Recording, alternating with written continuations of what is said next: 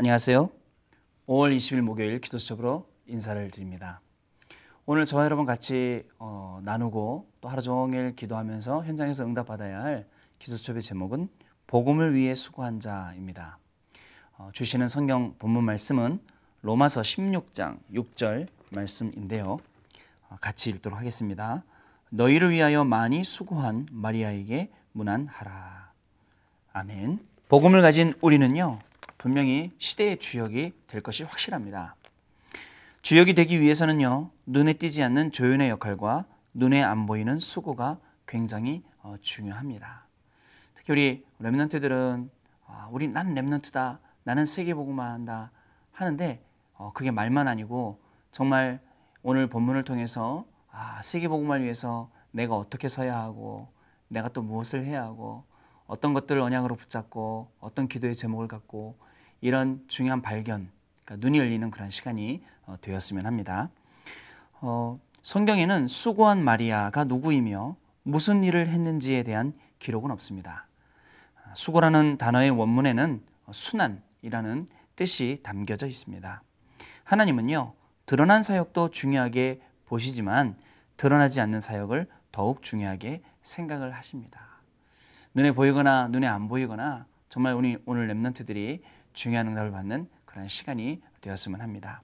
첫 번째로 구약 성경에 눈에 보이지 않게 수고한 사람들이 있습니다. 구약 성경에 눈에 보이지 않게 수고한 갈렙은 여호수아와 함께 모세를 섬겼던 그러한 사람입니다. 모세가 죽은 후에 여호수아가 지도자가 되었고요. 갈렙은 모세에게 했듯 친구인 여호수아를 그대로 또 섬겼던 모습을 볼 수가 있습니다. 기생 나합도 마찬가지입니다. 기생 나합도 드러난 것이 아니라 숨은 헌신을 한 것을 볼 수가 있습니다. 구약 성경에 보면 악질 아합 왕 밑에서 오바디아 선지자가 100명을 숨겨진 것을 볼 수가 있는데요. 우리는 교회와 직장 등에서 하나님 앞에 숨은 그러한 수고자가 돼야 하는 것입니다. 그렇습니다. 세계 복음을 하기 위해서 우리가 해야 할 많은 일들이 있습니다. 어떤 일들은 눈에 보이기도 하고 어떤 일들은 눈에 안 드러나기도 합니다. 눈에 보인다고 해서 열심히 하고 눈에 안 보인다고 해서 아예 안 하는 게 아니라 정말 세계복음을 위해서 해야 할 나의 작은 헌신은 무엇일까? 세계복음을 위해서 내가 할 수 있는 작은 결단들은 무엇일까? 한번 곰곰이 생각해 보고 오늘 정말 세계복음화의 중요한 응답의 문들이 열리는 그런 시간이 되어야겠습니다. 두 번째로 신약 시대에도 마찬가지입니다. 숨어서 수고한 사람들이 있는데요. 신약 시대에도 숨어서 수고한 사람들이 더 큰 응답을 받았습니다. 다른 사람들은 다 도망갔는데 누가 남았냐면 니고데모는 끝까지 남아서 예수님의 장례식을 치른 것을 볼 수가 있습니다.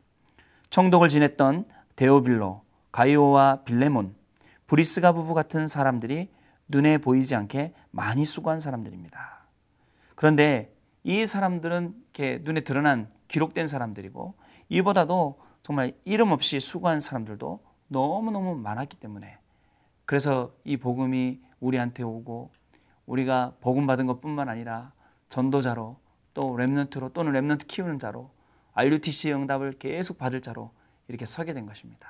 그러니 얼마나 감사하지 않습니까? 오늘 구약 시대나 신약 시대나 또 초대교회 시대나 그런 작은 헌신을 했던 것들이 오늘 이 시대에 바로 오늘 우리가 하는 작은 헌신이 된다면 그것이 앞으로 미래에 두고 두고 두고 얼마나 많은 응답들이 되겠습니까?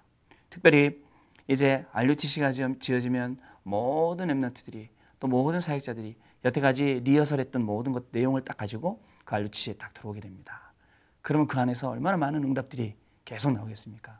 또 많은 사람들이 뒤에 숨어서 보이지 않게 여러 가지 수고하고 이런 내용들이 이제 사실화되어서 응답으로 우리에게 계속 다가오고 또 우리 랩런트들은 그 속에서 훈련되어져서 중요한 응답을 갖고 전 세계 현장에 쫙 깔리게 됩니다. 예, 그런 그림을 그릴 때마다 정말 얼마나 행복한지 모르겠습니다. 이게 어디서 출발이냐? 바로 여러분들의 작은 수고와 한심, 또 눈에 보이지 않는 결단들 이런 것에서 시작이 되는 것입니다. 세 번째로 교회사, 교회사에 숨겨진 사람들입니다. 마틴 루터가 사형을 언도받았을 때에 누가 숨겨졌는지는 아직 아무도 모릅니다. 지금도 마틴 루터에게는 성경을 번역하도록 도와준 사람을 밝히지 못했습니다. 그런데 이 일이 교회사를 바꾸어 놓았습니다.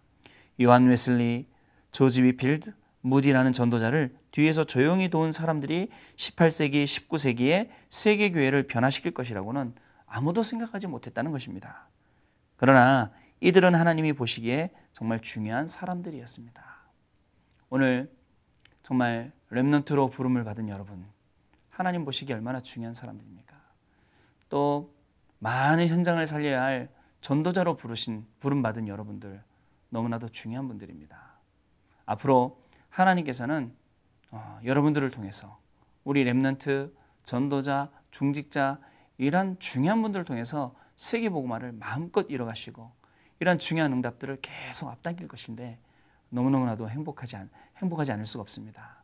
이 속에서 오늘도 중요한 응답을 찾고 또 하나님이 가장 원하신 것들 그런 것들을 찾아서 눈에 안 보이지만 조금씩 조금씩 수고하며 정말 그리고 또 아, 미래를 그리면서 미래의 렘넌트들이 일어나고 우리 후대들이 계속 살아나며 또 전 세계 지어놓은 RUTC에서 중요한 일꾼들이 계속 양성돼서 세계를 움직이게 되고 이러한 귀한 그림들 그리면서 오늘도 기도하고 포럼하면서 정말 많은 응답들을 누리시게 되길 바랍니다.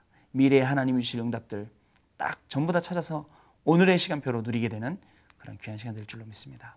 오늘 포럼의 주제입니다. 내가 하는 작은 수고가 세계를 바꿉니다. 전도 대상자와 전도자를 위한 숨은 기도, 교회와 지교회를 위한 작은 봉사, RUTC와 선교를 위한 작은 헌금이 큰 역사의 밑거름이 되는 것입니다.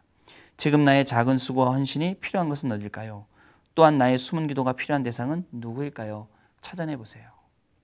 조금씩 묵상하면서 이런 것들을 찾아보시기 바랍니다. 그리고 기도 속으로 또 헌신 속으로 막 들어가다 보면 하나님이 주는 많은 응답이 바로 저와 여러분의 응답이 될 줄로 믿습니다. 이 응답을 가지고 정말 세계를 살리고 많은 사람들 살리게 되는 중요한 응답이 저와 여러분에게 오늘 시작되는 그런 귀한 하루가 될 줄로 믿습니다. 기도하겠습니다. 하나님 감사를 드립니다. 구약에 눈에 보이지 않게 수고한 사람들, 그리고 신약에도 눈에 보이지 않게 수고한 사람들, 그리고 교회사 속에서도 눈에 보이지 않게 수고한 사람들, 이러한 중요한 사람들을 보면서 우리가 무엇을 해야 할지 오늘 귀한 삶의 방향을 잡게 하시니 감사를 드립니다. 오늘도 눈에 보였다고 해서 하고 눈에 안 보인다고 해서 안 하는 그런 수준이 아니라 세계복음을 위하여서 작은 헌신들을 찾아가며 그것들을 조금씩 조금씩 해나갈 때에 그걸 통해서 많은 응답이 오고 정말 앞으로 많은 후대들이 살게 된다는 그런 사실적인 응답 속에 서게 되는 그런 귀한 렘넌트 하루가 되도록 주께서 성령으로 역사하여 주옵소서. 정말 작은 수고와 헌신에 그리고 이 작은 결단에 마음을 담고 기도하는 모든 우리 렘넌트와 모든 우리 전도자들에게 오늘 하나님이 주시는 새 힘이 임하는 귀한 시간 되게 하여 주옵소서. 우리 주 예수 그리스도 이름으로 기도드립니다. 아멘.